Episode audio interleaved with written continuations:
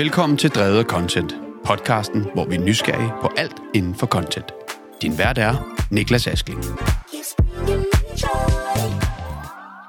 Hej, og endnu en gang velkommen her til øh, podcasten Drevet Content. Podcasten, hvor vi fokuserer og stiller skarpt på alt, hvad der handler om content. Og i dag i øh, endnu højere grad på mediet YouTube, fordi gæsten, vi har med i dag, han kan i den grad snakke og har masser af erfaring på netop YouTube. Og øh, jeg vil sige velkommen til. Jeg hedder Niklas Askling, og jeg er din vært, og jeg er stifter ejer af virksomheden Fovi, hvor vi lever af at fortælle virksomheders historie gennem foto og video, og nu også podcast. Jeg vil introducere dagens gæst, og det vil jeg som altid over i kameraet her. Fordi dagens gæst, han har mere end 10 år på banen, når det handler om at være på mediet YouTube. Du kan nok allerede gætte, hvem det er, især hvis du sidder og kigger med på netop YouTube, hvor vi jo filmer det hele. Og så er han det, man kalder native, fordi at øh, dagens gæst, han startede, da han var helt ung, og har stille og roligt blomstret op som en smuk blomst på netop det medie, og har lært det bedre og bedre at kende, og fundet ud af, hvad der fungerer både bedst for ham, og for dem, der følger med. Så vil jeg sige, at øh, netop den her udvikling, han har været i gang med, fra alt fra sodavands challenges, og det, der ligesom har fulgt hans alder i øh, i, i sin tid, og så til det her super lækre cinematiske content, hvor vi som fotografer og videografer sidder og slikker os om munden og tænker, kunne du lave lidt til os? Det er der, vi er øh, landet nu, og ikke mindst så har det i øh, særdeleshed ført til en kæmpe karriere, fordi at han har også øh, braget igennem, når det kommer til tv-produktioner, og øh, er i den grad et øh, velkendt ansigt. Og så vil jeg sige, en stor inspirationskilde i forhold til at være, i min optik, en af de mest indflydelsesrige influencer, øh, når det kommer til YouTube-landskabet. Stor og varm velkommen til Rasmus Brohave. Tusind tak. Skal vi ikke bare øh, holde ved den ros, og så... Øh, det var det. Det var det. Ja, tak Tusind for i dag. tak. Tak for de flotte ord. Selv tak. En smuk blomst. En små... ja. Den kunne jeg godt lide. ja, den tager du med. Det tak ryger i for, din bio. Øh, det gør den. Ja. Det gør den. Lige ind på Insta. Ja. Tusind tak for at måtte komme. Jamen, det er os, der takker. Vi er rigtig glade for, at du vil kigge forbi. Du er jo en travl mand, og ja. øh, netop flyttet her til København også. Det gjorde det lidt nemmere at invitere dig forbi studiet. Jeg er Øh, kommet til Storbyen nu. Ja, mm. øh, så nu skal du også til at, at, at tage det fynske, og så stille og roligt, så, så kan dine venner og bekendte, de kan lige pludselig ikke kende dig. Nej, altså det, det, jeg har det med at tage aksanger til mig. Ja. Og jeg skal kraftedeme ikke begynde at snakke københavnsk. Det kan jeg godt fortælle dig. Men øh, det kommer jeg jo nok til. Nu Ja. må vi se. Ja. Men Rasmus, øh, det var min, vores introduktion af dig. Og øh, det har ikke været så svært at, at researche dig, for der, at dit liv ligger jo i den grad. På, øh, på sociale medier. Kan du ikke prøve at, at forklare, hvis, hvis nu at man mødte dig på gaden, og man ikke vidste, hvem Rasmus Brohave er? Hvem vil du forklare? Hvordan vil du forklare det? Det er jeg faktisk ret nysgerrig på. Ja, jamen, øh, jeg plejer som udgangspunkt at fortælle, at jeg lever af at lave videoer på YouTube. Ja. Fordi det er min primære beskæftigelse. Og det er det, jeg har lavet i længst tid.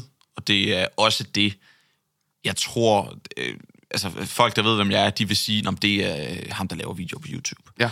Øhm, men hvis jeg øh, sidder i en taxa, for eksempel, Ja, så præcis. siger jeg, at jeg arbejder med online markedsføring. Okay. For det er lidt nemmere at forholde sig til. Øh, og det er lidt mere bredt, hvis man kan sige det på den måde. Online Fordi markedsføring. Hvis jeg begynder at sige, at jeg laver videoer på YouTube, så er der simpelthen så mange spørgsmål. Og det er ikke altid, man lige orker det. Nej. Øh, fordi, altså en ting er, øh, at det er, det er mit job, men det er jo faktisk også min livsstil at lave de her videoer. Fordi Mm. Ja. det, det er mere end bare et fuldtidsjob, når mm. man laver det, som jeg laver. Øh, og der kan det nogle gange være lidt rart, ikke altid at skulle snakke om, hvad fanden er det egentlig, man, man laver. Jeg kunne forestille mig, er der, er der også forskel på, hvor gammel personen er? Ja, helt vildt. Helt vildt. Altså nu er jeg lige flyttet i, i en ny lejlighed, mm. og jeg har en underbo, og jeg, jeg mødte ham den anden dag, og jeg var så bange for, at han faktisk skulle spørge, hvad jeg laver til daglig. Ja. Fordi Du er meget hjemme. jeg, jeg er meget hjemme, går meget rundt, ja. sætter nogle øh, store, tunge lamper og sådan ja. noget. Øhm, det er en mand på øh, ja, lidt over 70 år, tror jeg. Mm. Og øh, jeg tror ikke, han vil vide, hvad fanden jeg snakkede om, hvis jeg sagde, at jeg levede at lave videoer på YouTube. Nej. Så nogle gange prøver jeg sådan at undgå det lidt. Ja, det øhm, men i dag, der tænker jeg, at dem, der lytter med, de, de ved godt nogenlunde, hvad YouTube det, øh, Jo. det går ud på.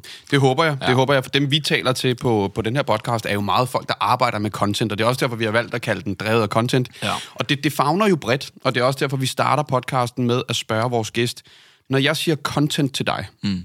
hvad betyder det for dig? Hvad tænker du som det første? Det første, jeg tænker, det er, øh, altså når man siger content, så tænker jeg faktisk på godt content. Okay. så tænker jeg på noget, der er lagt noget kvalitet i. Mm. Øh, og jeg, jeg ved ikke, hvorfor. Jeg tror, det kommer sig af, at da jeg startede på YouTube tilbage for mange år siden, mm. øh, jamen der, øh, når man sagde content creator, så op i mit hoved, der dannede jeg mig bare et billede af en, der lavede noget indhold, som var virkelig godt. Mm. Øh, og ikke bare indhold, som ordet jo betyder, kan man Ja, sige. ja. Øh, så, så content for mig, det er øh, noget indhold, hvor der virkelig er lagt nogle, øh, nogle kræfter i, og lagt noget kærlighed bag. Ja.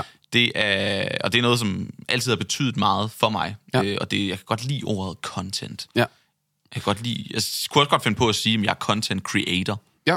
Jamen, og, det, og det, er, det, er det inspireret også af, at du...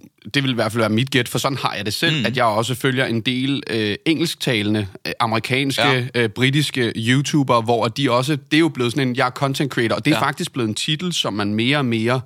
al- Altså, folk føler jeg netop, som laver sådan virkelig meningsfuldt indhold, er netop gået fra at sige, at jeg er YouTuber, til at sige, at jeg er content creator. Også fordi man så som regel også går på tværs af platform. Ja. Øh, fordi du kan jo ikke bare være YouTuber, hvis du også laver til Nej, nej, TikTok, præcis, Instagram, præcis. bum, bum, bum. Og det er jo content det hele. Jamen, det er det nemlig. Og jeg vil også hellere kalde mig content creator, end jeg vil kalde mig influencer, for Ja. eksempel. Selvom man kan sige, det øh, på en eller anden måde, så dækker det ligesom over det samme. Men hvis man er content creator, så kan det jo altså også være, at du laver content for andre. Ja, præcis. Og det gør du i den grad i nogle af de øh, kampagner, du blandt andet laver. Mm. Jeg ved også, uden at løfte sløret for meget, så har du et stykke content med, yes. som jeg synes er, er øh, lige i den kategori, der hedder content tak. rolle. Ja.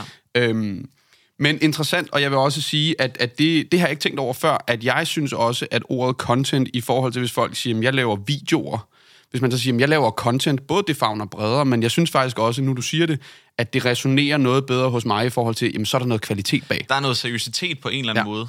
Øh, og det at man siger, at jeg er online content creator, eller noget Ja. i den stil. Ikke? Ja. Det, det, det lyder bare øh, mere lækkert, end Ja. at sige, jeg laver videoer på YouTube. Ja. Det lyder lidt useriøst. Og det lyder meget dansk. Det lyder meget ja. dansk. Ja. Øh, og jeg tror måske også, det er der, hvor man, man kan sige, man kan selvfølgelig åbne en helt anden dialog, hvis man siger, "Jamen, jeg laver content på YouTube, eller jeg, laver, jeg er en content creator, så kan folk lige pludselig også sige, Abba. Mm. Øh, og der er det måske nemmere at forstå det andet, men jeg tror også, at det netop er det der, jeg laver videoer på YouTube, er der stadig nogen, der har sådan stigma omkring, at det sådan, det kan man da ikke tjene penge på. Mm. Det er sgu da ikke et arbejde. Ja, ja, ja. Hvordan, har, hvordan har det været, at du er løbet ind i den, og hvordan har udviklingen været i forhold til, da du startede kontra nu, at man siger, jeg er YouTuber? Men altså, da jeg startede, der var der jo ikke noget, der hed en YouTuber, tror jeg. Nej. Øh, jeg husker ikke, at det var noget, som folk sagde. Det kom rimelig hurtigt efter, jeg var startet, tror jeg, at folk ligesom begyndte på det der, jeg er YouTuber. Øh, men, men lige i starten, der, var, der, der havde man bare en YouTube-kanal, mm. og så lavede man nogle videoer der. Øhm, så lige pludselig, jamen, der skete der en udvikling, øh, og jeg, jeg tror, det var omkring 2000, og, altså jeg startede i 2012, og jeg tror i 2013, der begyndte man ligesom at sige YouTuber, Ja. der begyndte at poppe flere forskellige op. Og så i 14, der, øh, hvis jeg sådan husker rigtigt på, på tidslinjen, mm. det var der, de første danskere ligesom begyndte at leve af det. Der var nogen, Ja. der droppede ud, der sagde deres job op, der var nogen, der droppede ud af deres uddannelse osv. Øh, men jeg vil sige, på det tidspunkt var det ikke, fordi jeg fandt kvalitetsindhold på dansk YouTube i hvert fald. Nej. Og som sådan heller ikke på den internationale scene. Øh, men det begyndte stille og roligt i de år. Ja. Og, øh, og så lige pludselig gik det, gik det stærkt. Ja. Især internationalt. Ja. Ja, og jeg kunne godt tænke mig, at vi snakker om lidt senere, for jeg vil gerne lige lægge en bund i forhold til, til hvordan du arbejder og sådan nogle ting, men jeg kunne faktisk rigtig også godt tænke mig, at vi snakkede lidt omkring den her udvikling af, at da du er startet, og YouTube i de spæde dage i Danmark, netop det her med creator, så man begynder at kunne leve af det og sådan nogle ting, der var det meget børnet, og jeg har i hvert fald selv oplevet, nu har jeg arbejdet en lille smule med YouTube og lavet lidt content til YouTube, og jeg er 32, og når jeg taler som en på 32, og ikke sådan til dem, der er den primære målgruppe, som nok i højere grad er 10-15, ja. let's be honest, måske endda yngre. Øh, der er heldigvis sket et skift, og der er flere og flere. Også fordi man kan sige, at Jamen, det kan vi komme tilbage til, at, at dine følgere jo mm. er vokset op sammen ja. med dig. Det kunne jeg godt tænke mig at berøre. Helt sikkert. Men jeg kunne også rigtig godt tænke mig, at vi lagde en bund i forhold til at høre, vil du ikke tage mig igennem en helt almindelig arbejdsuge for dig, i forhold til, hvordan du arbejder Jo. med dit content? Altså, jeg vil starte med at sige, det er en meget svær opgave Ja. at forklare min arbejdsuge. Fordi der er ikke noget, der hedder hverdag eller weekender for mig. Øh, selvfølgelig så prøver jeg så vidt muligt at planlægge min uge, sådan så jeg kan holde nogenlunde weekend og nogenlunde holde arbejdet i hverdagene. Mm. Øh, fordi ellers så bliver det svært at lave aftaler, altså privat med venner og så videre, mm. øh, og familie for den sags skyld.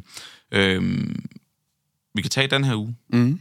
I dag starter jeg ugen ud med at optage en podcast med dig. Vigtigste dag. Yes. Yes. Så har jeg øh, nogle mails og lidt forskelligt, jeg skal have styr på efterfølgende. Det gør jeg bare fra min bil, hvor jeg har computeren. Øhm, det er lidt på farten. Så skal mm. jeg ind og holde et, øh, et møde hen over frokost. Og så har jeg faktisk derefter en rimelig fri dag, hvor jeg kan gøre lige, hvad jeg har lyst til. Mm. Jeg skal ikke øh, producere noget indhold eller noget som helst i dag. Ja. Øh, det lyder måske sådan lidt øh, useriøst og meget nemt, når jeg siger det her, men i løbet af en dag skal jeg jo selvfølgelig også sørge for måske lige tage nogle billeder øh, og lægge op på Instagram, for det er også en del af mit arbejde. Og det lyder altså super nemt, som om nu skal du fandme ned i kulminen, og så skal du arbejde ordentligt. Mm. Øhm, fordi det, det lyder jo ikke som et job, men, men det er det. Og det er også hårdt, at man hele tiden skal tænke i billeder og så videre. Yep. Øh, mine sociale medier fungerer allerbedst, når jeg er så personlig som muligt. Mm. Men jeg vil jo også gerne levere noget, der er, der er flot. Ja. Øh, I morgen, jamen der kunne det være, at jeg skulle optage en video. Så skal den også redigeres. Øh, det gør jeg typisk, jeg begynder typisk samme dag, som det bliver optaget, fordi så okay. ligger det fuldstændig frisk inde, ja. øh, inde på hende. Øh, og ellers så, så gør jeg det dagen efter. Jeg har jo min serie, Hvad kan jeg blive? Hvor jeg prøver alle mulige forskellige jobs, og det er også noget af det, vi kommer til at snakke lidt om øh, senere. Mm. Øh, jeg optager det altid, det tager en hel dag, og så dagen efter, der redigerer jeg det. Øh, jeg bruger en dag til halvanden på det. Ja. Øh, og jamen, så i løbet af en uge, jamen, der er der måske andre møder. Øh, det kan være, der også lige pludselig er en fridag midt på ugen. Til gengæld, så kan det være, at jeg øh, lørdag aften, eller hele lørdagen, sidder fuldstændig begravet i noget redigering. Ja. Det er lidt forskelligt, alt efter, øh, hvad der lige er blevet optaget mm. og så videre. Øhm, og så jamen, holder jeg også en masse brainstorms øh, med mig selv og med min agent og så videre, ja. ikke? Øhm, nu er jeg lige flyttet til København, så nu skal jeg også lige ind i sådan en, en ny rutine. Ja. Øh, jeg boede i Svendborg før, jeg var stadig meget i København til møder og så videre, men alligevel så er det jo en ny hverdag, der skal bygges op. Ja, for Ja. ja. Øhm, så det er sådan en blanding af nogle møder, nogle optagelser, noget redigering, mm. øh, noget kreativ frihed også. Øh, ja. Det lyder også, øh, som om man har en bare skal have en undskyldning for ikke at lave noget. Det er slet ikke det. Men øh, nogle gange skal man også huske lige at lægge det hele fra sig, mm. fordi ofte så opstår de gode idéer, for mig i hvert fald, når jeg faktisk ikke tænker på for gode idéer. Ja, ja. Jamen det, det synes jeg giver, det giver rigtig god mening, men, men, men, øh, men det lyder, det lyder øh, der er jo hverken rigtigt eller forkert, og folk arbejder. Der er mm. nogen, der arbejder allerbedst sent om aftenen, og som du ja. selv siger, det kan godt være, at det er en sen øh, lørdag aften, hvor man bare... For det, det er jo et kreativt felt. Men, men hvad gør du for at holde det sådan nogenlunde struktureret? Fordi når man er creator, mm. nu tager, holder vi den titel, ja. for den kan jeg godt lide. Når man er content creator, uanset om det er den ene eller anden eller tredje platform, så er der noget... Øh, i mangel på et dansk ord, consistency. Mm-hmm. Feed the beast. Ja. Vi skal hele tiden, og hvis YouTube ikke har fået en video i en uge, så siger den, hvad fanden sker der her? Mm. Øh, jeg kunne godt finde på at straffe dig. Agtigt, det er ikke ja, den gode, ja. gode jo, algoritme det er sådan, der. Det er, øhm, ja. Og det er sådan, der. Hvad, hvad gør du for ligesom at holde? Der må alligevel være en lille smule system, især i det her med at, øh, at, at lave din content. Ja. Er det sådan... Er det sådan ind imellem, altså så der er møder, og der er nogle af de faste ting, og så får du egentlig bare sådan fittet det ind i hullerne-agtigt, eller? Ja, det kan man sige. Det, det gør jeg. Øhm, altså, jeg har en, øh, en meget struktureret kalender, og mm. sørger altid for at lige have en time mellem hver ting, jeg skal, så jeg ikke skal, skal stress rundt. Ja, øh, men jeg sørger altid for i løbet af en uge at have nogle fridage. Nu siger jeg fridage, det vil sige, de, der står ikke noget i kalenderen. Ja. Det er ikke, fordi jeg holder fri. Nej, nej. Men så ved jeg ligesom, okay, jamen de dage, der skal jeg sørge for at få filmet noget. Mm. Øhm, fordi når jeg bare skal, hvis jeg skal filme en vlog, en, sådan en daily vlog, har jeg sagt, ja så skriver jeg det ikke ind i min kalender nødvendigvis. Så ved jeg bare, okay, der er et hul her. Jeg skal have filmet, jeg skal have produceret et eller andet ja. den dag. Ja. Hvis jeg skal ud og lave et afsnit, hvad kan jeg blive? Så står det altid i min kalender flere uger inden. Øhm, men, øh, men som udgangspunkt, så, så prøver jeg bare at holde et par dage der, hvor jeg ligesom, der ved jeg, der skal der produceres noget content. Ja.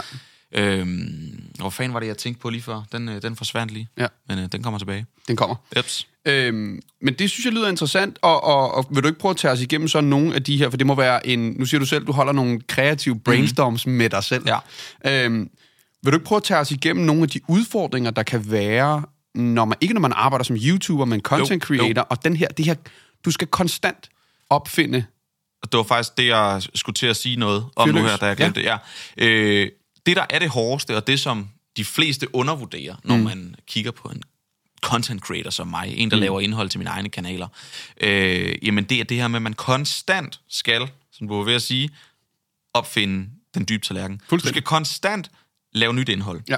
Når jeg har uploadet en ny video, jeg har uploadet en ny video i går, mm. det er rart, det er dejligt at få noget, noget indhold ud. Øh, man kan se, folk de ser det, folk de kan nogle gange også lide det, og så kan de også kommentere det. Det er skønt, men der er også en stressfaktor i, at jeg ved, at lige så snart den video er uploadet, Ja. så har jeg en mindre video på lager. Så skal der produceres noget nyt.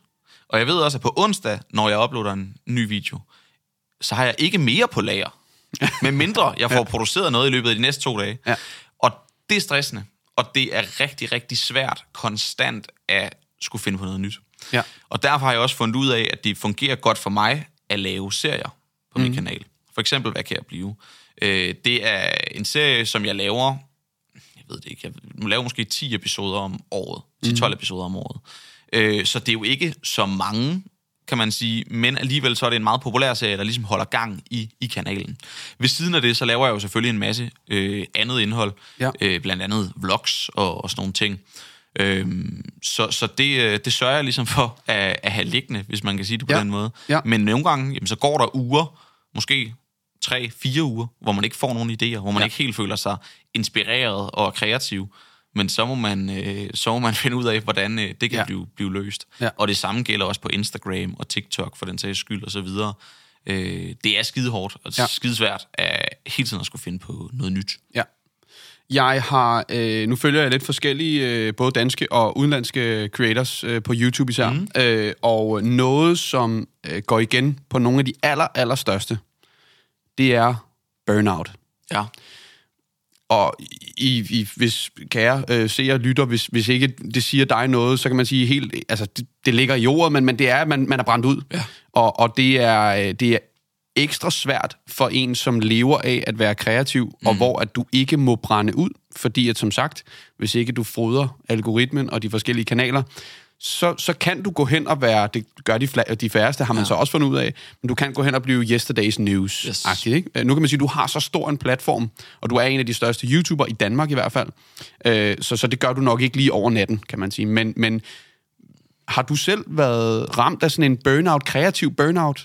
Ja, jamen altså, nu, nu kaldte du mig jo en, øh, en, øh, en blomst i ja, der var engang en, en klog mand, der sagde til mig, at sociale medier er lidt ligesom blomster.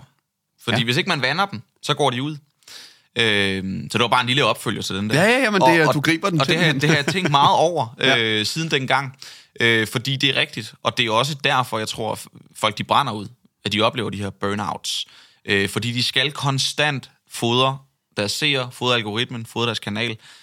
Og det er skide hårdt. Mm. Og når man så virkelig prøver på det, men man kan se, okay, det får måske ikke så mange visninger, som det Ja. plejer, Ja. Så kommer man altså hurtigt ind i sådan en ond cirkel. Mm.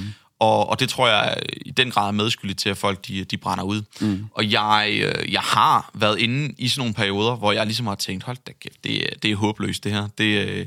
Jeg synes godt nok, det går, går sløvt øh, for sig nu. Ja.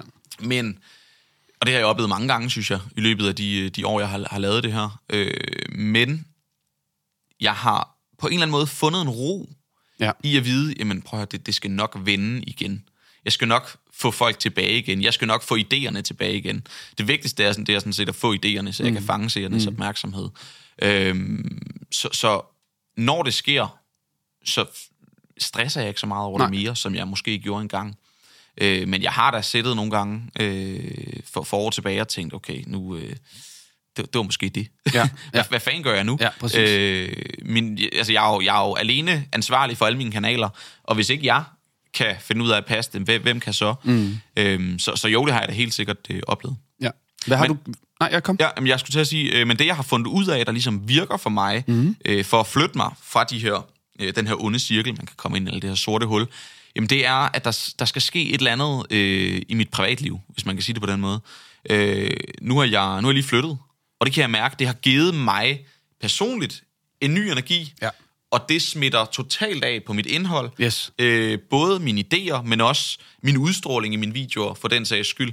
Øh, og, og det skal man ikke øh, undervurdere. Og Nej. det Nej. er ikke, fordi man, man skal flytte øh, til et nyt sted hver gang. Det bliver dyrt. Øh, ja, det bliver rigtig dyrt. Men, men at gøre et eller andet Ja. øh, godt for sig selv. Det Ja. kan være, at man lige skal tage en uge ud og rejse, eller øh, bare øh, holde et par uger fri og ses med nogle venner, gøre, udfordre sig selv, begynde ja. på en ny hobby, et eller andet. Det, det har i hvert fald hjulpet mig, Ja. og det har givet mig en masse nye idéer. Mm. Og når man så får en ny hobby, så kan det være, at man begynder at lave indhold om det, mm. og så finder man ud af, at der er øh, tusindvis af andre derude, der også synes, det er spændende, Ja. det man interesserer sig for. Og det, det tror jeg, nu kan man sige, det er jo, og jeg, jeg, jeg kalder det privilegeret øh, med, med den bedste intention, det er jo ikke alle, der er så privilegeret, at man kan sige, men hvis jeg keder mig med det her, eller jeg kan mærke, at jeg er brændt fast, mm. ikke keder mig, øh, så, så øh, tager jeg noget mere ud og fisker, eller ja. Jeg tager en tur ud og rejser, eller et eller andet. Man kan sige, når du siger det, så har du en enorm frihed, hvor mm. de fleste, der har et øh, 9-to-5, øh, de kan ikke bare gøre det, men jeg synes, at det er en virkelig, virkelig god pointe alligevel, ja. og så sige, men hey, hvis du føler dig brændt fast i et eller andet, og du siger, men jeg er nødt til at passe mit 9-5, jamen så gør noget, gør noget godt for dig ja. Selv, gør noget anderledes ved siden af dit job, fordi Præcis. det er det, der fueler, at når du så kommer ind, så lige pludselig så synes det, du sidder med og er brændt fast i, ikke så slemt alligevel. Ja.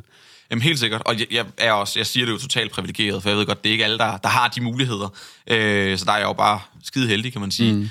Men det er rigtigt, som du siger, det kan være en lille ting ved siden af ens job, man skal gøre. Ja. Det kan være, man skal Ja. øh, begynde at gå i fitness, hvis ikke man gør det. Det kan Ja. være, man skal begynde at gå til, øh, nu siger jeg paddeltennis, det er fandme kedeligt mainstream sagt. Det kan være, du skal begynde til curling, eller et eller andet. Golf. Golf, begynd på golf. Ja. Øh, for så kan det være, at du, får, øh, du, altså, du kommer ud og får dine tanker over på noget andet. 100.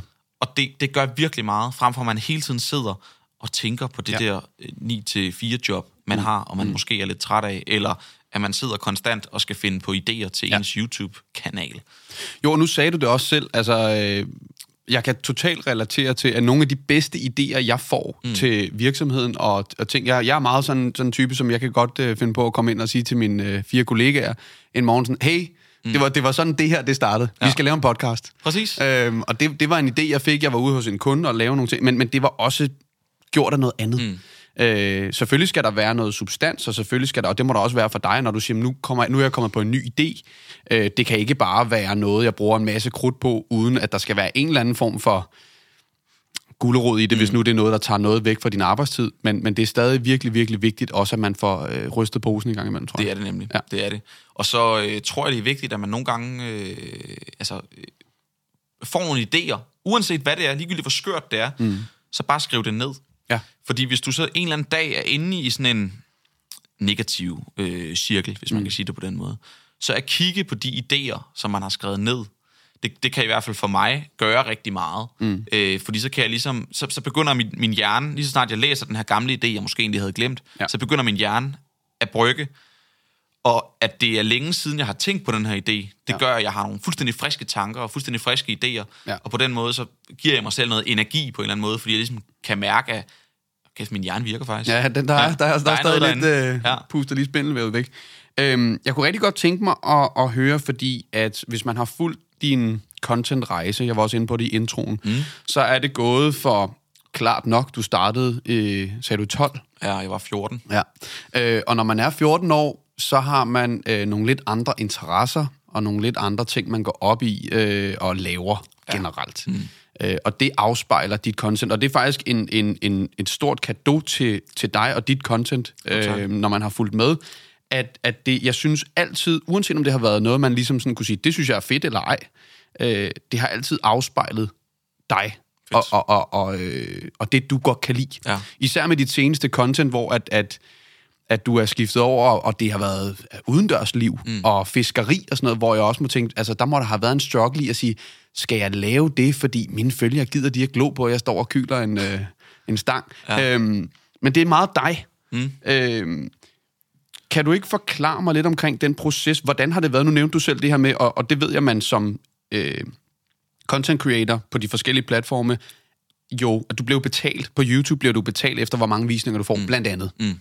Hvis man så kigger AdSense, og så er Ja, der kampagner ja, ja. ud over sådan noget. Så det er jo ikke ligegyldigt, både for ens øh, heroppe, og for ens pengepunkt, mm. hvordan ens content klarer sig. Nej. Og især når man har lagt øh, kræfter i det, man tænker, fuck, hvor er det fedt det her. Hvordan, hvordan har du ligesom hvad kan man sige, øh, udviklet dig Ja. med platformen, og, og hvilke tanker har du gjort dig, som du er blevet ældre, og netop det der med måske at finde noget ro i, at det er sgu okay, at den ikke performer. Jeg synes, det var fedt. Jeg, øh, altså som du, den, dengang jeg startede, mm. der gik jeg enormt meget op i, det skulle have så mange visninger som muligt. Mm. Det var det eneste, jeg tænkte på. Men meget hurtigt, meget tidligt, da jeg, måske tilbage, da jeg er sådan noget 18 år, 17-18 år, der kunne jeg godt mærke, at de her visninger, de gav mig ikke noget, mm. hvis ikke jeg selv synes, at indholdet det var fedt. Selvfølgelig så var det da fedt at se, hold da kæft, 200.000, 300.000 visninger på øh, få uger på én video. Fuldstændig mm. sindssygt. Men det gav mig simpelthen ikke noget. Nej. Altså, når jeg skulle vise indholdet til andre, så synes jeg faktisk, det var lidt pinligt. Okay. Jeg, jeg kunne ikke se mig selv i det på en eller Nej, anden måde. nej. Og, og det gjorde, at jeg, øh, jeg følte ikke, det var holdbart, Nej. det jeg havde gang i. Nej. Det, det var bare sådan en følelse, jeg havde. Øh, og det var altså hverken holdbart over for mig selv, men det var heller ikke holdbart i fremtiden, hvis jeg skulle leve af det her, og jeg skulle gøre det til et fuldtidsjob, som jeg måske lige havde gjort. Så jeg havde mange snakke med mine forældre, faktisk. Mm. Mine forældre har altid set mine videoer, siden dengang jeg startede. Når jeg havde uploadet en video, så gik der 10 minutter, så kunne jeg høre, den blev afspillet inde i stuen på deres fjernsyn. Øh, og det er jo mega fedt, og sindssygt privilegeret, at jeg havde nogle forældre, der, der støttede mig. Ja. og gik så meget op i det. Så de gav mig også meget feedback.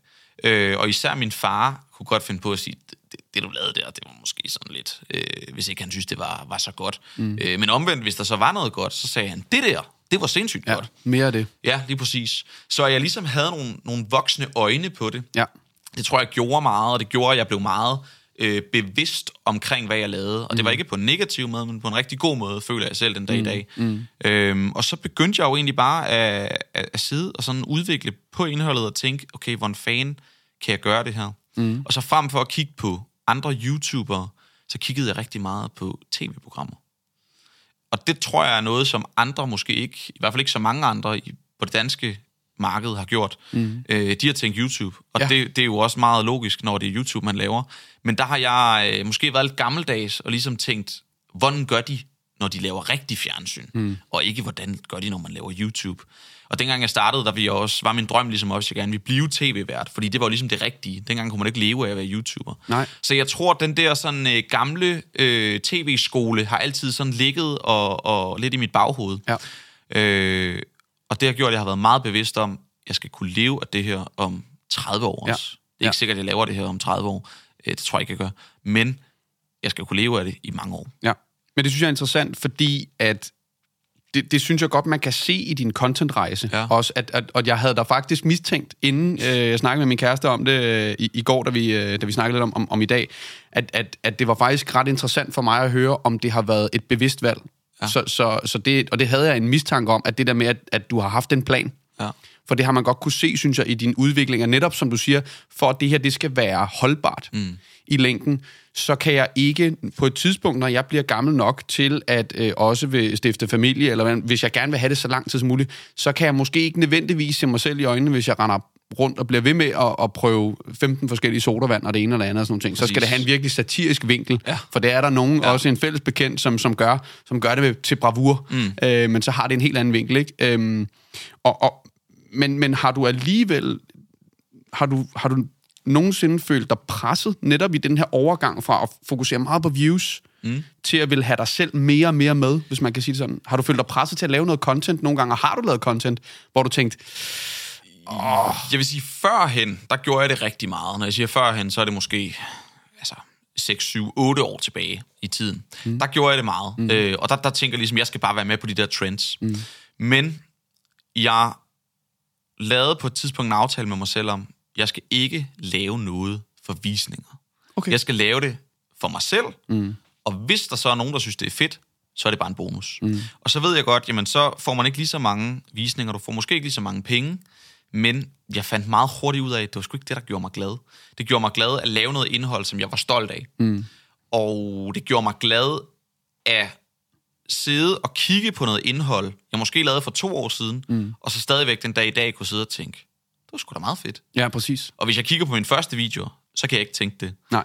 Øh, hvis jeg kigger på en video, der er et halvt år gammelt, den dag i dag, så kan jeg stadigvæk godt nogle gange tænke, hvorfor snakkede du på den måde, eller et eller andet. Fordi man udvikler sig jo hele tiden. Ja. Men alligevel, jeg kan sagtens sidde og tænke, Ja. nå ja, sådan det vi også tænke i dag, sådan det vi også lave det i dag. Ja, ja. Og det, øh, det synes jeg er mega fedt. Ja. Og så har jeg altid tænkt, at mine videoer, de skal øh, hvis man ser en enkelt video, så skal man ud fra den video forstå, hvad det er, jeg laver.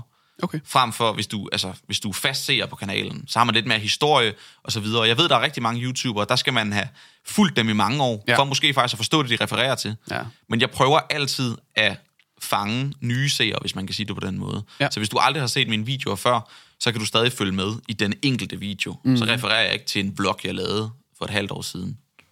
Er det derfor, nu bliver det en lille smule Mhm. sådan indspist mm. måske, hvis man ikke følger med, så bliver det, men, men er det derfor, at du i slutningen af dine videoer, inden for de sidste, nu siger jeg, halve hele år, Ja. er, øh, har skrevet, skrevet dit tag på? Ja, Ja. det er det. Den video den skal kunne ses selvstændigt. Yes. Og hvis der, fun- for, øh, hvad hedder det, hvis der forsvinder nogle funktioner fra YouTube, det kunne være et kort. Jeg siger aldrig, klik på kortet her. Fordi vi ved ikke, hvornår at YouTube de fjerner det kort. Mm. Det har man set førhen. For mange år siden, jamen, der var det sådan nogle små blå og grønne firkanter. Jeg tror selv, man kunne vælge farve. Sådan nogle firkanter. Det var sindssygt grimt. Mm. Så kunne du klikke der, og så kom du ind på en ny video. Ja, ja. Men den funktion fungerer ikke mere. Nej. Så hvis du går ind på en video fra 2012, så er der måske en, der sidder og siger, klik her på firkanten. Ja. Men hvis du ser den i dag, så er der ikke nogen firkant. Så ligner du bare en, der er lidt delusional. Præcis. Ja. Du er... Så jeg prøver at lave mine videoer lidt tidsløse. Ja, jamen klart. Og, og netop også det der med det, nu, at du henviser jo til, til dit tag, og det er personligt. Ja. Så medmindre du efter, ændrer navn. Det gør jeg nok ikke. Nej. Rasmus, vi er nået til uh, middagssegmentet, hvor vi kunne blive ved med at snakke, men vi bliver nødt til lige at, bryde den op i midten mm. på et tidspunkt. Og det er det her, øh, kære seer, lytter, hvis det er første gang, nu vil jeg netop lave det tidsløst, eller antage, at folk ikke har øh, set. Ja. lyttet med. Kære seer, lytter, hvis det er første gang, du er med på, øh, på podcasten her, så er det et segment, vi har cirka halvvejs, hvor at, øh, som vi kalder Vis mig dit content, hvor vi har bedt vores gæster om at have et stykke content med, og vi har bedt dem om at tage noget med, som betyder noget for dem personligt, professionelt, begge dele, noget, der har, kan vi godt lide at sige, en god historie. Øh, så hvis du lytter med på Spotify eller en af dine favorit podcast tjenester, hop lige ind på YouTube, søg drevet af content, og så se det hele. For vi filmer jo selvfølgelig det hele, og øh, så vil den her video, den her lille snas, vi viser nu her, den vil også give meget bedre, ven- meget bedre mening, og den kommer. Ja. Rasmus, Yes. nu har du selv nævnt det et par gange øh, i løbet af, så nu måtte vi komme til Hvad det. kan jeg blive? Hvad kan du blive? Og øh, da du sendte mig linket her, og dit allerførste afsnit af Hvad kan jeg blive? serien mm. på YouTube, øh, som er det, de siger, Hvad kan jeg blive? Mm-hmm. Øh, der, blev jeg, der blev jeg ret overrasket over, hold kæft, hvor har den kørt i lang tid. Jeg føler, at- jeg føler, det er sådan noget, du startede for et par år siden. Den har kørt siden øh, 16, Ja, 2016. det, det, er, det er vildt. Ja. Øhm, men vil du ikke forklare, nu er det ikke mig, der skal sidde og snakke, vil du ikke forklare, øh, hvorfor har du taget lige præcis det afsnit, og det første afsnit med i den serie? Jeg har taget det første afsnit med, fordi det har... Øh, jeg tror, det har reddet min kanal på et tidspunkt øh, for mange år siden, da jeg stoppede med at lave alle de her forskellige trends, da jeg stoppede med at følge med i, hvad alle de andre ja. lavede, og så bare kopierede det, han havde sagt. Øh, og det er slet ikke, fordi jeg skal sidde og gøre mig bedre end andre, men jeg prøvede ligesom at opfinde et format, som andre ikke havde set på YouTube før. Mm.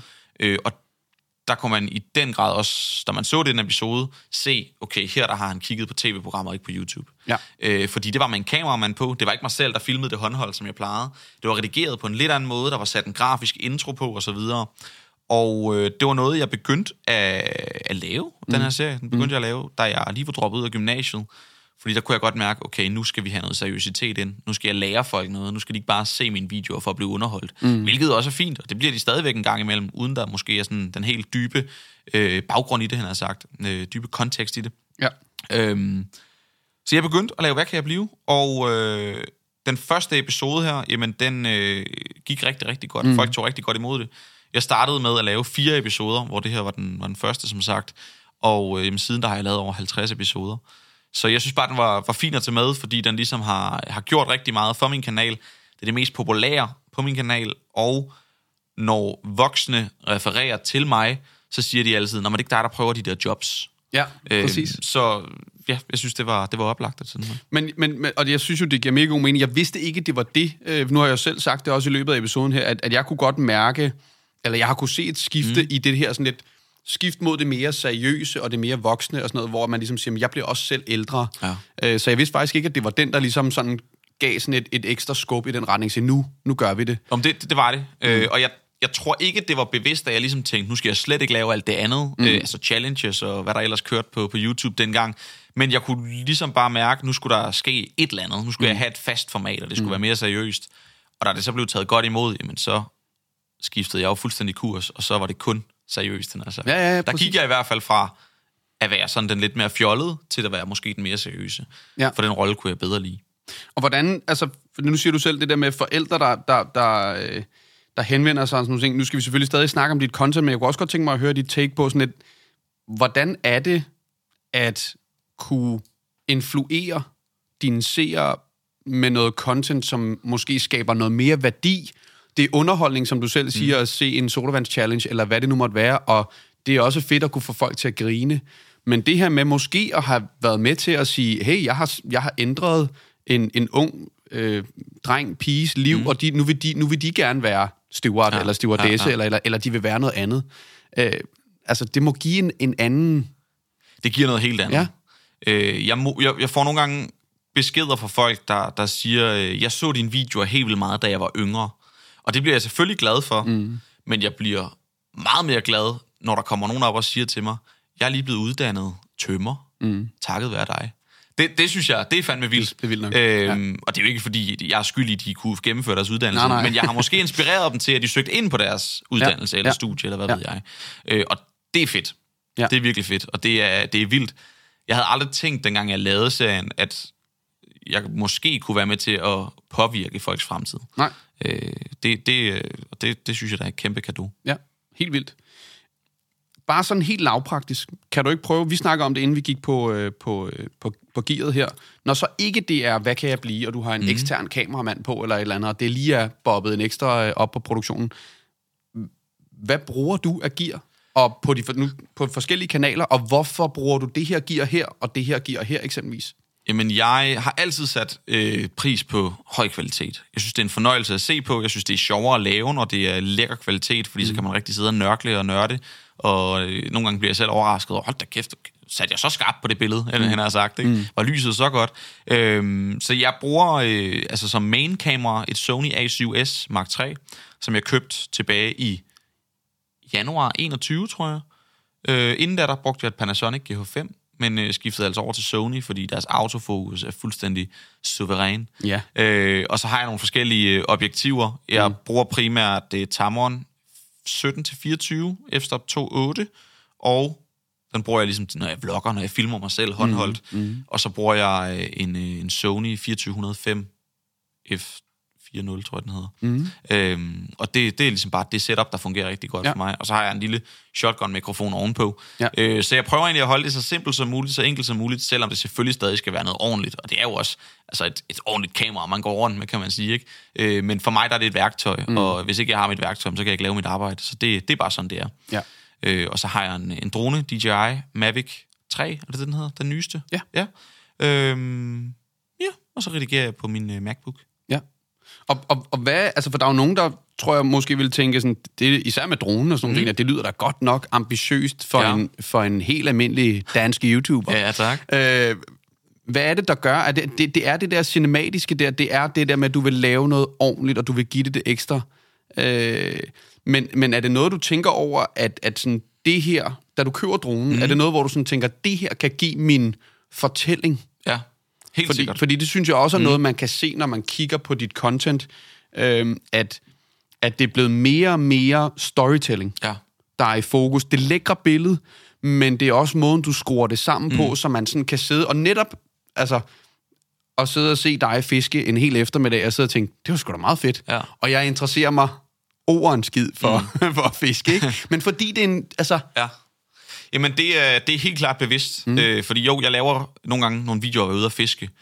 Og jeg ved godt, at det er en lille brøkdel af mine seere, der synes, det er spændende med fiskeri. Mm. Men ligesom du lige selv sagde nu, så modtager jeg også nogle gange beskeder fra folk, der siger, jeg fatter ikke, hvordan du kan få mig til at se fiskevideoer, for jeg interesserer mig slet ikke for det. og, og det er jo øh, super dejligt at få mm. at vide, men jeg tror også, det er, altså, det er selve storytellingen. Ja. Og det er noget, som jeg øh, også kigger rigtig meget på selv, når jeg sidder og ser YouTube. Jeg kan også sidde og se om på et eller andet, jeg ikke interesserer mig for. Men alligevel så synes jeg, det er mega spændende, fordi det er, det er godt sat sammen. Der er lagt noget god musik på. Mm. Den holder lige sådan et godt tempo. Så er der lige et dronebillede der, så er der lige et nærbillede der. Øh, det ene med det andet. Det, det gør bare rigtig meget. Man bliver skadet, ikke? Øh, man bliver totalt mm. skadet. Og jo dygtigere folk bliver, jo dygtigere vil du selv være. Yep. Så det stopper aldrig. Ja. Men det er jo også noget af det fede, fordi så udvikler man sig hele tiden. Ja. Ja. Øh, men jo, det var klart bevidst, da jeg købte min første drone, at jeg ligesom tænkte, det kan give min fortælling et eller andet andet, ja. som de andre måske ikke helt kan. Præcis. Øh. Ja, fordi jeg ser også nogen bruge dronen som sådan et, det ser bare fedt ud. Ja. Hvor at hvis man virkelig begynder at blive nørdet, og man så siger, men netop det der sådan, men vi går meget op i, når vi laver videoer til vores kunder, sådan, mm. giver det noget? Ja. For vi har også kunder, der kommer ind og siger sådan, åh, kunne det ikke være fedt med et dronebillede, hvor sådan, sådan nu skal jeg lige høre, fordi ja. hvis du ligger herude, du, du sagde, du havde adresse nogenlunde mm. herude, hvor vi ligger, det er ikke et særligt sexet kvarter, ja. så med mindre du gerne vil vise, at det her, prøv at se vores bygning og sådan noget, så giver det jo ikke noget. Nej, det gør det nemlig Det skal give noget til historien. Altså, jeg tror, der er mange, der vil sige, øh, prøv lige at se, hvor flot der er. Jeg sender lige dronen op, fordi de skal vise, hvor flot der er. Det kan man selvfølgelig godt gøre. Det kunne jeg også godt finde på selv. Men jeg vil meget hellere bruge dronen til at sige, nu skal jeg over til Niklas og optage podcast. Så kommer der et dronebillede af min bil, der lige kører. Yes. Fordi så forstår folk, okay, nu har han kørt derover. Klip til, nu sidder vi her. Ja. Så jeg vil hellere bruge det som et transportbillede, som en slags overgang, som en del af fortællingen, frem for bare at vise, hvor pænt der er. Præcis. Ligesom folk bruger timelapses til at vise, at nu er dagen gået. Præcis. Så det er, ja. det er når man begynder at se det på sådan, at det er et virkemiddel mm. til at fortælle et eller andet, så, øh, så, kan det, så dobler det. Ja. Så er det ikke bare et flot dronebillede, men det er også sådan, okay, nu er du der. Lige præcis. Et andet sted ja. i, i landet. Ja. Ikke? Øhm, det synes jeg er meget interessant. Mm. Hvad hedder det? Øhm, jeg kunne godt tænke mig at høre, i forhold til dit content, vi var inde på den kreative proces tidligere, hvad gør du, du er selv blevet ældre, dine følgere er også blevet ældre og vokset op med dig. Det tror jeg også er en stor del af grunden til, at man sidder og ser en fiskevideo, selvom man ikke er interesseret. Det er fordi, at man godt kan lide dig. Mm. Øh, så det er personligt. Øh, men hvad gør du for at holde dig relevant? Og også med nye platforme, der mm. popper op. Hister her. Nu der Be Real, der er poppet op. Be Real, ja. Ja, det er... Ja, jeg, jeg røg faktisk på Be Real lige i starten, da det kom, øh, da det kom frem, men jeg røget af igen. Jeg synes, det var irriterende hele tiden at skulle... og nu har TikTok lavet det samme, hvor man skal tage et billede lige pludselig. TikTok ja. Now, tror jeg, det hedder. Ja. Øhm, jeg synes, det er øh, en kunst at holde sig relevant hele tiden. Og jeg tror også, der er perioder, hvor jeg er mere relevant end andre perioder, kan man sige. Fordi jeg, jeg tror, det er umuligt konstant mm. at holde den der attention og det der momentum på en eller anden måde. Øhm, men, men i og med, at jeg er meget personlig på mine kanaler. Jeg kunne godt være mere personlig, hvis jeg havde lyst, men mm. jeg synes også, det er rart at have noget for mig selv, han har sagt. Mm.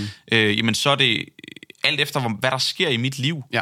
Det er lidt det, der påvirker, om jeg er relevant lige i øjeblikket, han har sagt, øh, for folk.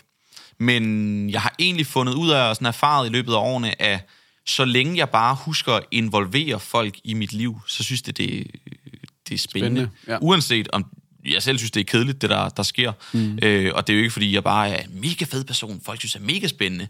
Øh, men, men folk kan bare godt lide det der personlige, uanset om der sker meget eller lidt. Mm. Og jeg tror ikke, det har noget med mig at gøre. Det er bare sådan generelt, når folk følger andre på sociale medier. Ja, ja. Øhm, men, men selvfølgelig så, så prøver jeg nogle gange at, at lave noget, der er lidt vildt. Om det er så en indsamling, hvor jeg samler nogle penge ind, eller om det er tager ud og rejser, noget i den stil. Jeg mm. prøver ligesom hele tiden at, at lave nogle ting, som folk mm. kan tabe ind i. Men jeg, jeg tror, du har fat i den lange ende, da du nævnte tidligere også det der med, at, at skal det være holdbart, er det mm. nødt til at være... Fordi ellers så er du bare en trendmaskine. Ja. Og det er også fint nok, og det er også fint, hvis du har mange visninger, og du, hvis du vil tjene så mange penge som muligt. På et tidspunkt, der dør man på det. Det kan man bare se på andre det creators, der... Og, og det der med at gøre det personligt, og netop, jeg tror også, netop det der med, hvis du så siger, men øh, nu er du for nylig kommet hjem fra New Zealand med mm. en kammerat og sådan nogle ting der, og man kan sige, det at du kan gøre det, og det stadig er dit arbejde, altså sådan igen meget mm. privilegeret og mega fedt, men det er jo også fordi, du har brugt en masse tid og energi på at lave den her transition på din ja. kanal, der gør, at folk tuner ind, uanset om jeg fisker er i New Zealand eller flytter i lejlighed. Præcis. Fordi folk kan godt lide dig, og de tuner ind for dig. Så du har heller ikke sat barn derop, hvor hvis ikke du kommer med det nyeste nye, og er du ikke med på den her trend og står og danser eller ja. et eller andet fan, så gider jeg ikke se på dig. Nej. Øh, fordi så er du jo bare vært for en trend. Ja. Kan du det er rigtigt. Jeg kan totalt følge dig. Øh, og det er også derfor, at jeg bliver ved med at holde fast i, hvad kan jeg blive? Mm. Fordi, hvad kan jeg blive? Det er evergreen content. Ja. Der er ikke en udløbsdato på det. Det kan godt være, at uddannelserne, jeg er ude at prøve, de ændrer sig undervejs, men jeg siger aldrig, der er ansøgningsfrist den 26. maj, mm. for eksempel. Mm det er meget sjældent, jeg gør det. Hvis jeg gør det, så er det måske, hvis det er en sponsoreret episode, og kunden de ønsker det. Men hvis jeg gør det, så er der en udløbsdato på. Mm. Det er der ikke, hvis jeg bare siger, øh, eller viser sådan altså overordnet, hvordan job, hvad jobbet det går ud på, Nej, hvilken arbejdsopgave er. Lige præcis. Ja. Så kan den køre i, jamen, altså forever, for der vil altid være nogen, der skal være politibetjente, eller noget i den stil. Mm. Der vil altid være nogen, der skal have en uddannelse. Mm. Og det samme, nu har jeg lige været i New Zealand, jeg kunne godt lave vlogsene mere personlige. Der bliver også sagt nogle, eller der er nogle, ligesom nogle personlige referencer, og måske nogle referencer til nogle tidligere ting, men jeg prøvede så vidt muligt at lave alle 18 vlogs, jeg lavede på den tur, så evergreen som muligt, mm. sådan så der ikke er en udløbsdato. Sådan så dem, der skal til New Zealand om 10 år, også kan sidde og se videoerne. Ja. Så jeg lavede det lidt som sådan en slags rejseguide. Præcis. Uden egentlig at sige, stedet ligger her og her, fordi det kan jo være, at det turiststed, det lukker på et eller andet Ja, ja, tidspunkt. præcis, ikke? præcis. Og så er det outdated. Ja, ja, præcis. Ja, eller det koster det og det. og Ja, så kommer man sådan, hey, Rasmus sagde, at det kostede. Der var, nemlig, der var rigtig mange, der undervejs skrev sådan, nej, hvad koster det der? Kan I ikke sætte priser på det, I laver? Og sådan ja. noget. Men det ved jeg ikke, fordi Nej. så er der en udløbsdato. Ja, præcis. Om det giver mening. Jeg kunne godt tænke mig, inden vi når til vores faste segment, som det mm. sidste lige at runde det her med øh, fra YouTuber til tv-vært. Det ja. Ja. lyder næsten som en titel på, mm. på en YouTube-video. øhm, det lød som om, du havde en plan. Ja. Øh, allerede fra du var yngre og sådan nogle ting. Kan du ikke prøve at forklare mig lidt, hvordan, øh, hvordan dine tanker gik ind i det her med at lave content, der gjorde, at folk ville begynde at sige, ham der Rasmus Brohave, skal han ikke være vært på... Ja. Var det dit første sådan, gennembrud, var det guldtuben? Øh, Guldtuben var, ja, det var sådan det første store øh, show, Ja, ja, ja. ja. man sagt, kan man sige, ikke? Øh, og så har jeg så været på, på Z-Factor, som var et backstage-program på X-Factor, mm. som jo var en, en del af et kæmpe, kæmpe program, men, men selve mit program var sådan ude bagved, så det var sådan en lille pult, vi sad mm. ved. Øh, og så Danmark har talent, som, som jo nok Ja, er det, det var- største, ikke? ja. Øhm, og, og som sagt, så, så i starten, der var der jo ikke nogen, der, der var ikke noget, der hed YouTuber. Øh, det hed tv-vært, mm. hvis man ville være vært. Mm. Øh, man var ikke vært på YouTube. Det blev man så senere hen, mm. ikke? Så det var ligesom det rigtige, og det var det, jeg begyndte at gå efter, mm. fordi det var, ja, det, det var det, jeg så op til. Dem, jeg så i fjernsynet og så videre. Det var de der Godmorgen Danmark-værter, og Danmark ja. har talentværter og så videre. Ja. Øh, så jeg begyndte ligesom at sige, at jeg vil gerne være tv-vært. Det sagde jeg højt i mine videoer, og sagde højt for mine venner, og familie, familie og skolelærer ja. og så videre. Ikke? Ja. Øh, og, og, og så, da jeg var 17 år, jamen, der fik jeg tilbudt mit første lille værtsjob på øh, P3, eller undskyld, DR3, øh, sammen med Thomas Skov, hvor vi skulle lave sådan en nyhedsudsend, eller undskyld, nytårsudsendelse, hvor vi sad og kiggede tilbage på året, der gik på internettet. Øh, Okay. Og det optog vi hjemme i, i Thomas Skovs øh, stue. Øh, så det var ligesom det første Ja. ja. lille vært, øh, værtsjob, og så derefter, jamen, så kom der nogle andre småting. Jeg kan ikke huske rækkefølgen 100% derefter, men det var i hvert fald i 17, at jeg lavede programmet med Thomas Skov, mm. og så i 18, der stod jeg så i Royal Arena. Ikke? Så det gik, det gik rigtig hurtigt, mm. øhm, lige pludselig. Tror du, at du i forhold til, fordi jeg vil sige, du deler i min optik YouTube-scenen lidt med, det ved jeg ikke, en håndfuld eller to andre, sådan, mm. hvor vi snakker øverste hylde, ikke? Jo, tak. Øhm, tror du, at, at det, at du nærmest er begyndt at manifestere, altså du, du vil det så gerne, og mm. tror du, at din tilgang i YouTube, og og at du... For jeg tror, mange YouTubere starter en YouTube-kanal, fordi de gerne vil være YouTuber, fordi de gerne vil være kendte. Ja. Tror du, at din tilgang til din YouTube-kanal, og det, at du ret tidligt har sagt, jeg vil gerne være tv-vært, mm. jeg ser faktisk ikke det her som at være YouTuber som mit primære, jeg ser det at være tv-vært, det er der, jeg gerne vil hen. Tror du, det har haft en indflydelse på, at du har nået dertil? Jeg, jeg ved ikke, om det er det, der har drevet mig dertil. Jeg tror til gengæld, min hobby og min interesse for bare at lave videoer for at underholde folk, jeg tror, det er det, der har gjort, at jeg er mm. kommet dertil, hvor jeg er. Øh, som du lige selv sagde, der er mange, der starter på YouTube, fordi de vil være, de vil være YouTubere, de vil være kendte. Det er den største fejl, du overhovedet kan lave. Mm. Du skal aldrig nogensinde starte på sociale medier generelt, hvis du bare vil være kendt. Fordi det regner folk ud, og du har ikke noget, altså du ikke, øh, du kommer til at virke utroværdig over for dine seere på ja. et eller andet tidspunkt. Plus du kommer også til at brænde ud, fordi du finder lige pludselig ud af, at det er ikke så fedt at være kendt. Mm. Og så finder man også ud af lige pludselig, okay, men så kan jeg jo faktisk ikke noget andet end bare være kendt. Mm. Du er nødt til at starte, fordi at du brænder for et eller andet. Mm. Det er i hvert fald min overbevisning. Jeg har set så mange eksempler på folk, der har startet, og særligt ser man også nu på TikTok, så starter de med at lave de her videoer, fordi de måske bare gerne vil være internetkendte. Mm. Øh, men jeg tror ikke på, at det er holdbart i længden. Nej. Det tror jeg. Øhm, så, så jeg tror, det, der har, der har gjort, at jeg sidder der, hvor jeg gør i dag, jamen, det er simpelthen, fordi det hele det startede som en hobby. Jeg gjorde det for sjov, og det har jeg på en eller anden måde formået at holde fast i, i og med, at jeg ikke hoppet med på alle de der trends. Mm. Jeg har også været på de trends, men det er jeg sgu ikke rigtig mere. Nej. Og det er slet ikke, fordi jeg skal sidde og pushe min egen glorie, men, men, men det er bare sådan, jeg har det, fordi ja, Det er jo et spørgsmål om, at Ja, du, hvis- kan, du kender dig selv, synes jeg, det lyder som om, du kender dig selv godt nok til, at du ved, hvis du gjorde det, så ville det være for en stund. det vil det nemlig. Og man kan sige, det er heller ikke særlig fedt at være kendt for ham, der sidder og øh, tester ting og laver challenges, når du så lige pludselig vil lave et skift, fordi så gider folk ikke at glo på dig længere. Nej, fordi de er kommet, de er tunet ind for challenges, og ikke for dig. Lige præcis. Og altså, hvis jeg allerede dengang lavede nogle videoer, som jeg synes var lidt pinlige, andre mm. så, eller jeg skulle vise dem til nogen, det tænker jeg er et rimelig godt, øh, en rimelig god indikator Ja. på, at man måske laver det forkerte. Ja, jeg er enig. Mm. Vi er nået til vores anden faste segment, som hedder Fem Hurtige. Og du, Ja, skal, tak. du skal forsøge... De bliver fandme hurtige. Ja, de bliver hurtige. Det gør de. Godt. Jamen, det er også det, der er meningen. Så må vi se, om du kan holde dig fra at vil uddybe. Jeg kunne godt tænke mig at høre dig. iPhone eller professionel kamera? Til YouTube? Du må kun enten eller. Nej, det sagde du ikke noget om. Jamen, Så er det professionelt kamera. Yes. YouTube eller tv? YouTube? Content skabt alene eller skabt sammen med andre? Jeg vil gerne uddybe. Men, nej, det er enten eller. Content skabt alene. Okay. Kvalitetsindhold eller kvantitet? Kvalitet. Ja, tak. Instagram eller TikTok? Instagram. Okay. Jeg vil gerne have, at du uddyber content skabt alene, for det var faktisk ret interessant. Content ja. Skabt alene, og jeg tænker helt klart, der ligger en god forklaring bag. Jeg er kæmpe kontrolfreak. Mm. Og jeg tror, at jeg nogle gange, når der skal skabes noget content, er en pestilens at arbejde sammen med. Mm-hmm.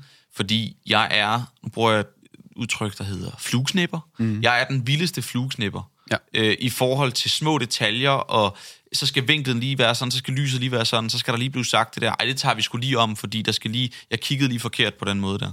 Øh, jeg ved for det meste lige, hvordan jeg vil have det, mm. når jeg skal ud og lave en video, for eksempel. Mm. Jeg vil øh, gerne være åben over for input. Det er totalt sundt, det skal man være, fordi nogle gange, når man får andres øjne på det, så bliver det tusind gange bedre, end hvis man bare sidder med det selv. Men jeg elsker YouTube, fordi jeg kan filme det på min egen måde. Jeg kan lave lige det indhold, jeg vil på min egen måde. Mm. Jeg kan redigere det, som jeg vil, og jeg kan uploade det lige, som jeg vil. Øhm, det synes jeg er enormt fedt. Mm. Men når det så er sagt, så er det også virkelig, virkelig dejligt at komme ud blandt andre, mm. som er endnu dygtigere end en selv, som kan øh, som ser tingene på en anden måde, mm. og som har nogle andre inputs. Ja. Fordi når man nogle gange blander sine tanker, jamen, så kan det blive rigtig godt. Ja. Men jeg er jo YouTuber, og jeg laver det jo primært selv, så øh, indhold skabt alene. Okay. Men, men det, det, er, det giver mig faktisk lidt en interessant tanke, netop fordi, at hvordan har det så været, når, for jeg ved, at din, din serie, mm. som du var inde på tidligere, øh, hvad kan jeg blive, den er lavet med, du sagde selv, men der er lidt mere high production, du yes. har en kameramand på og sådan noget. Hvor, hvordan er hele det samspil der, nu netop når du siger, mm. jeg kan allerbedst lide bare selv at Ja. trykke start, stop og sådan nogle ting, hvordan er hele det flow så, og hvor, hvordan får du det til at fungere i din sådan kontrolramme? Jamen, øhm, altså jeg, jeg, øh, jeg vil sige, jeg, når, når vi er ude at lave, hvad kan jeg blive? Så er det en episode til min kanal. Mm. Det vil sige, overordnet set, så er det mig, der bestemmer, hvad der skal laves af indhold. Og sådan, det. og sådan er det. Kan du fatte det, Jørgen Bjørn, som er min kameramand. øh, og, og det ved Jørgen også godt. Ja. Jørgen, det er øh, en rigtig god kammerat og øh, virkelig dygtig fotograf. Mm. Og han er skidesød. Jeg elsker at arbejde sammen med ham. Og øh, jeg tror, vi har lavet 25-30 episoder sammen efterhånden. Så vi, vi kender hinanden rimelig godt, og han mm. ved også, hvordan jeg vil have det, og jeg ved også, hvordan han vil have det. Mm. Øh, for man kan sige, jeg hyrer jo ham som fotograf, og jeg hyrer jo selvfølgelig også ham, fordi han kan finde ud af noget, og han har øh, øje for noget, og det er jo også noget af det, jeg køber ind i, så det sker jo også, altså med al respekt for ham, mm. ligesom acceptere, mm. eller øh, øh, hvad skal man sige, det er noget af det, jeg skal finde mig i, hvis man Ja, kan sige klart, det på den måde, klart. øh, for hans kreative håndværk. Ja. Øhm, men når vi laver sådan en episode, jamen, så foregår det jo egentlig på den måde, at jeg inden vi tager ud og optager, snakker med dem, jeg skal, jeg skal følge. Mm. Og der har de ofte nogle forskellige øh, ønsker. Hvis det er en sponsoreret episode, så har de lov til at have lidt flere ønsker og lidt flere rettigheder, end, øh, end hvis det bare er noget, jeg, vi laver for sjov, han har sagt, mm. uden en sponsor. Øhm, Men når vi så tager ud og, og laver episoden, så, så snakker vi altid sådan lige stille og roligt sammen med dem, dem der, der skal medvirke, inden vi begynder at optage. Fordi mm. jeg vil også gerne have, at folk de er trygge i det, vi laver. Ja. Vi laver så en intro.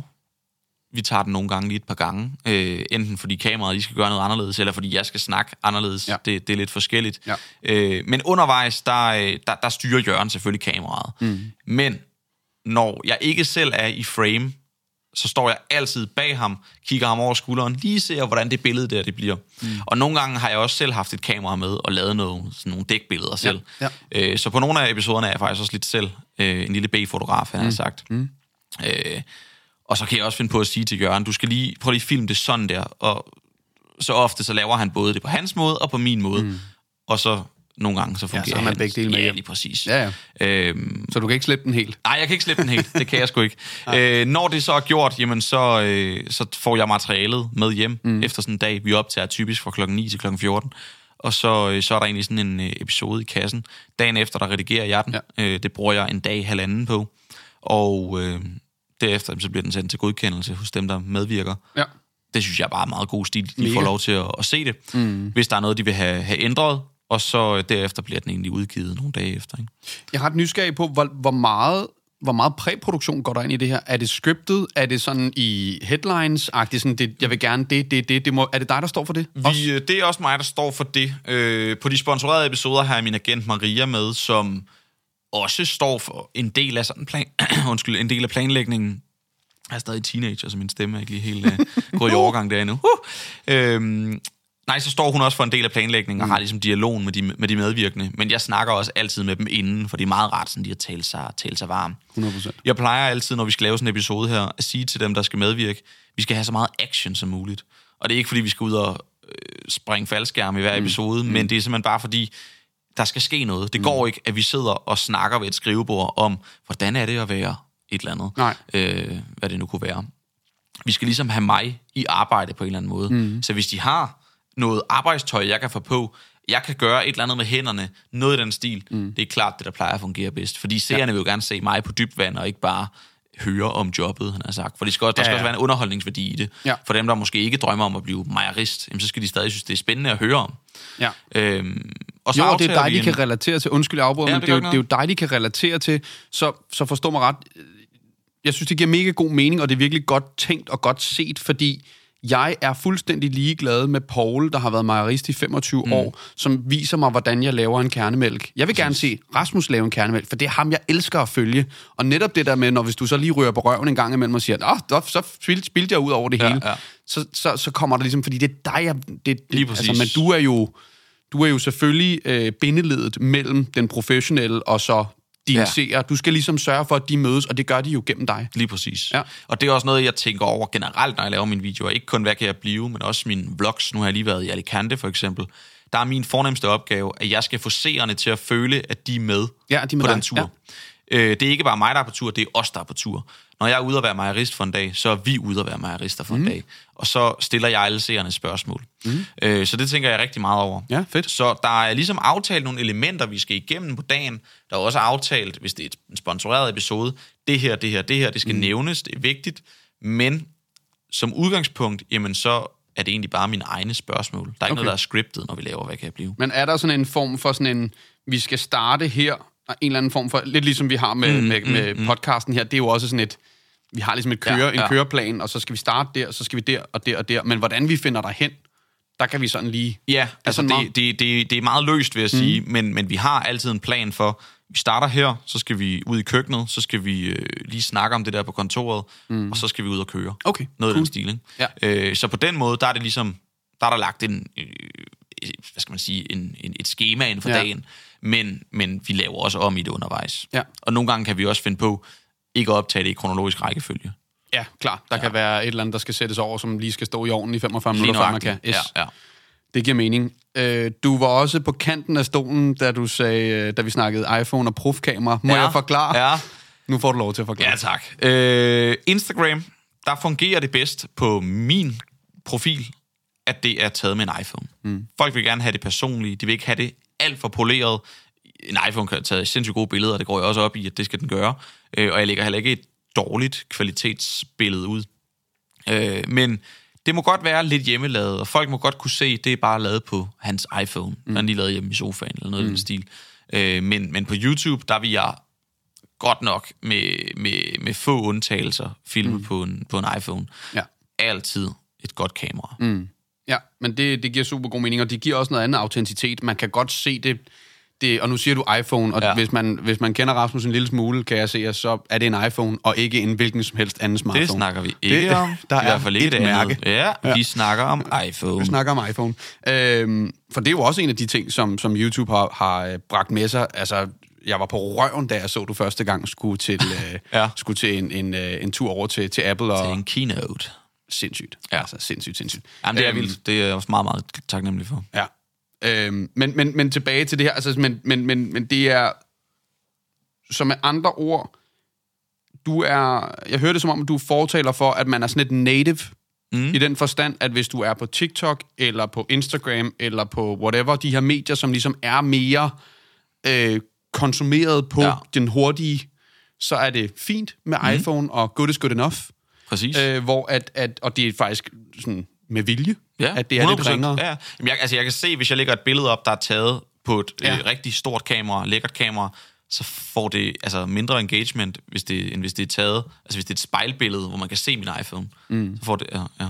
Ja, præcis. Men også, jeg tror, jeg tror, det er fordi, at det har en anden nærhed. Ja. Man kan sige, hvis jeg tager et super lækkert portræt af dig, der sidder på en sten ude med nogle bjerge i baggrunden eller et eller andet, det er super fedt. Mm. Men igen, dine følgere lader til at købe ind på dig. Præcis. Og du kigger ikke engang på dem. Der er ikke nogen øjenkontakt. Så det er meget, de vil meget hellere have et billede, hvor du tager en selfie og er glad og siger, jeg har lige haft den fedeste dag. Lige præcis. Øhm, den her podcast, den skal I bare høre. Og, ja, lige nøjagtigt. Og lad os sige, at øh, du skulle lægge en video op, ja. På en story op, hvor du snakkede. Det vil, folk vil 100% hellere lytte, hvis du selv filmer det som sådan en selfie-format, frem for hvis jeg sidder her og filmer dig med en. Ja. iPhone. Fordi hvis jeg filmer dig her, og du sidder med begge arme, allerede der, der er der en afstand mellem dig og seeren. Mm. Hvis du gør det, altså selfie-format, så har du seeren lige i hånden, mm. og de har dig i hånden, han har sagt. Ja. Og det, det gør bare noget. Ja. Øhm, jeg har lige været afsted nu her, hvor jeg mødte en, og jeg er ikke sikker på, at den person, han styrer sin egen Instagram.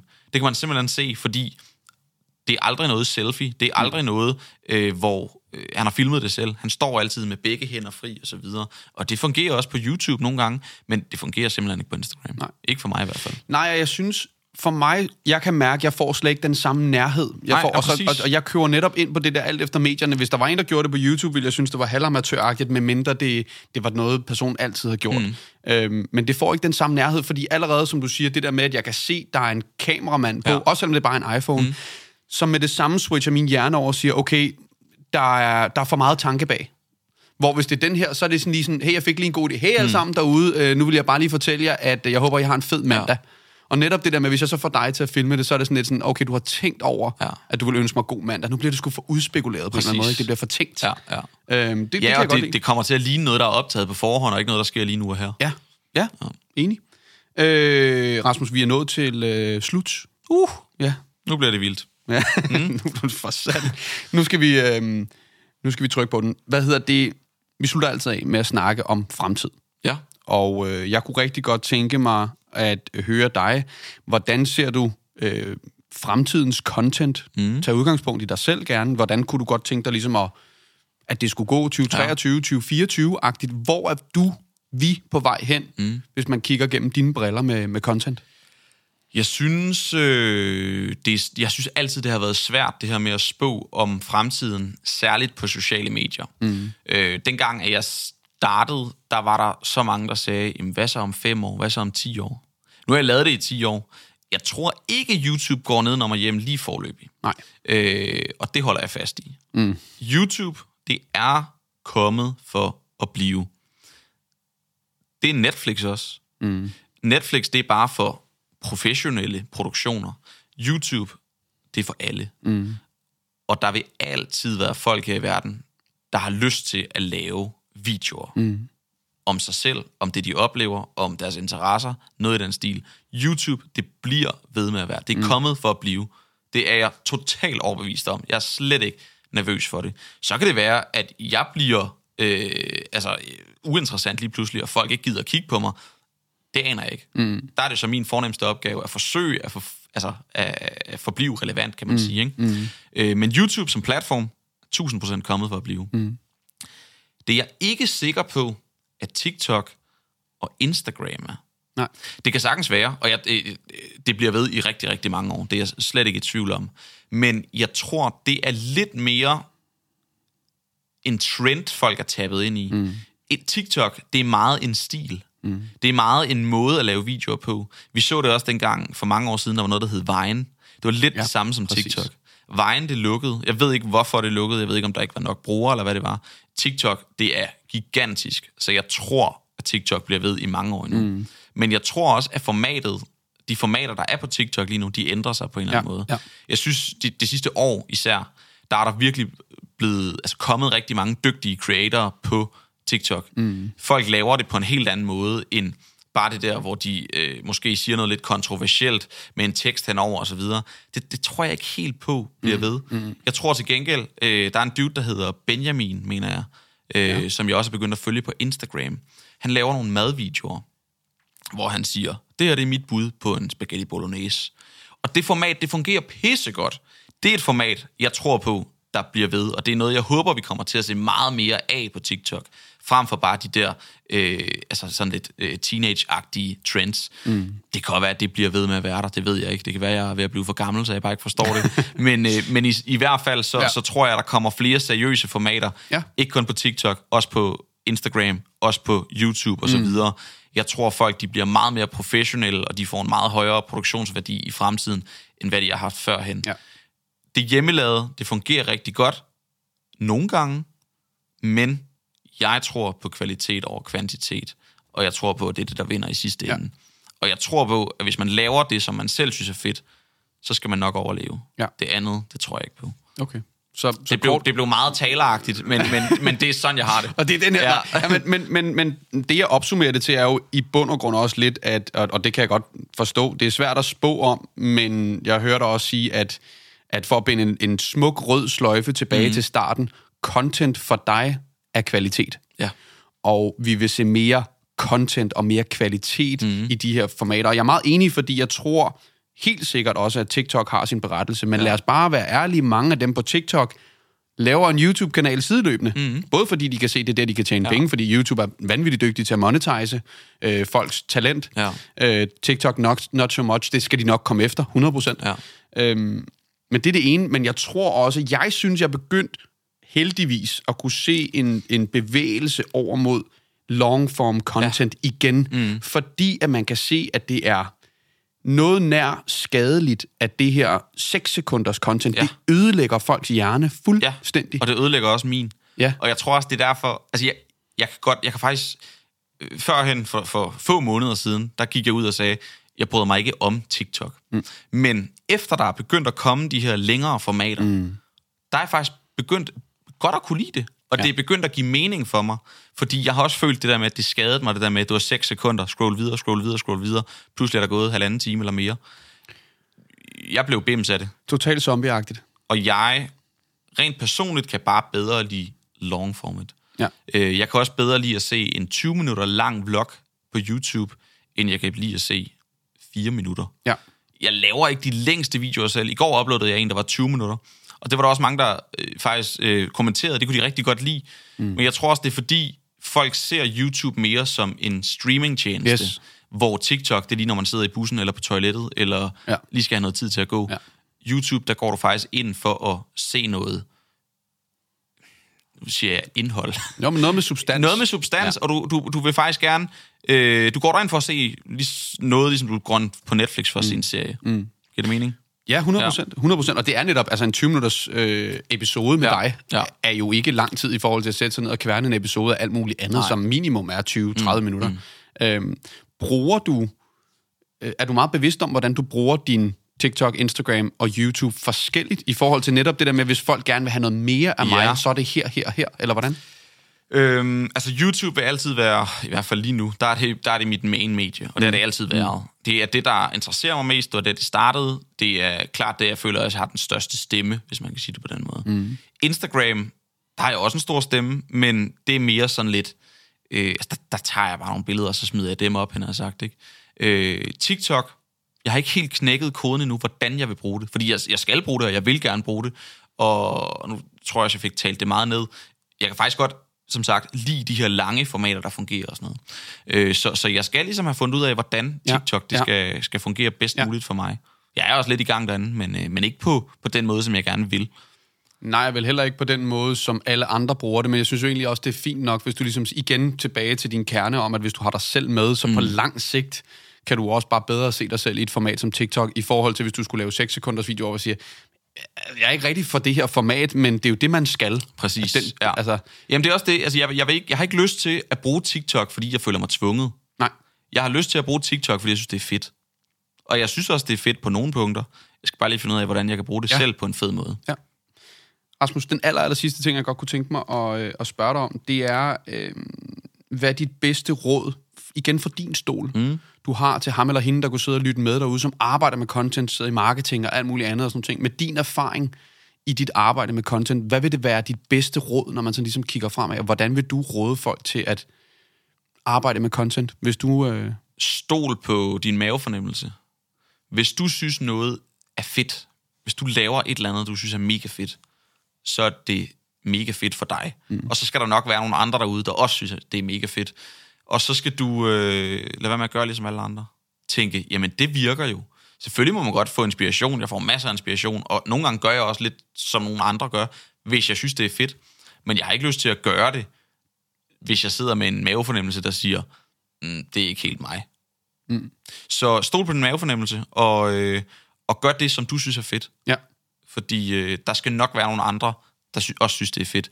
Og det kan godt være i starten, så er der ikke særlig mange, der synes, det er fedt, mm. men det er bare, fordi de ikke har opdaget det endnu. Præcis. Man har jo rent faktisk mulighed for at skabe noget nyt. Præcis. Konge. Rasmus, vi lader den stå der. Mm. Tusind tak, fordi du øh, ville kigge forbi og bruge øh, et stykke over en time sammen med mig. Jamen, øh, tak for, at jeg måtte. Det var hyggeligt. Det sætter jeg mega stor pris på. Og jeg sætter også mega stor pris på, at du derude lyttede eller så med. Igen, vi er på alle dine podcast-tjenester. Øh, hvis du lytter med, så ved du det godt. Men vi er også på YouTube, som sagt. Hop ind og se øh, næste uges gæst, for vi har endnu en spændende gæst på øh, beding i næste uge, næste mandag. Og øh, igen, til vi ses igen næste gang. Ha' det rigtig godt.